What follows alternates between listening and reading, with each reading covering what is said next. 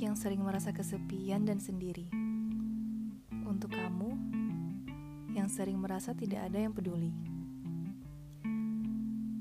Barangkali letak salahnya bukan di dia atau mereka. Bukan karena mereka yang tidak peduli, namun ekspektasi kita terhadap orang lain. Kalau mereka sayang, harusnya mereka begini.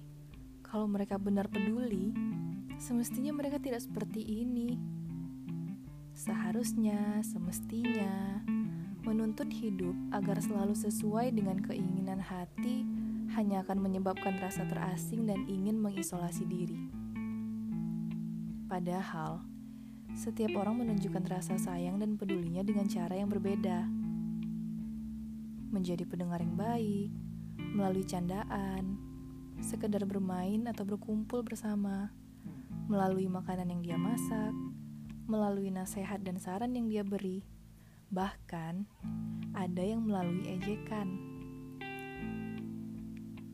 Mungkin yang salah selama ini bukan mereka, tapi hanya mata kita yang belum terbuka untuk melihat betapa pedulinya mereka.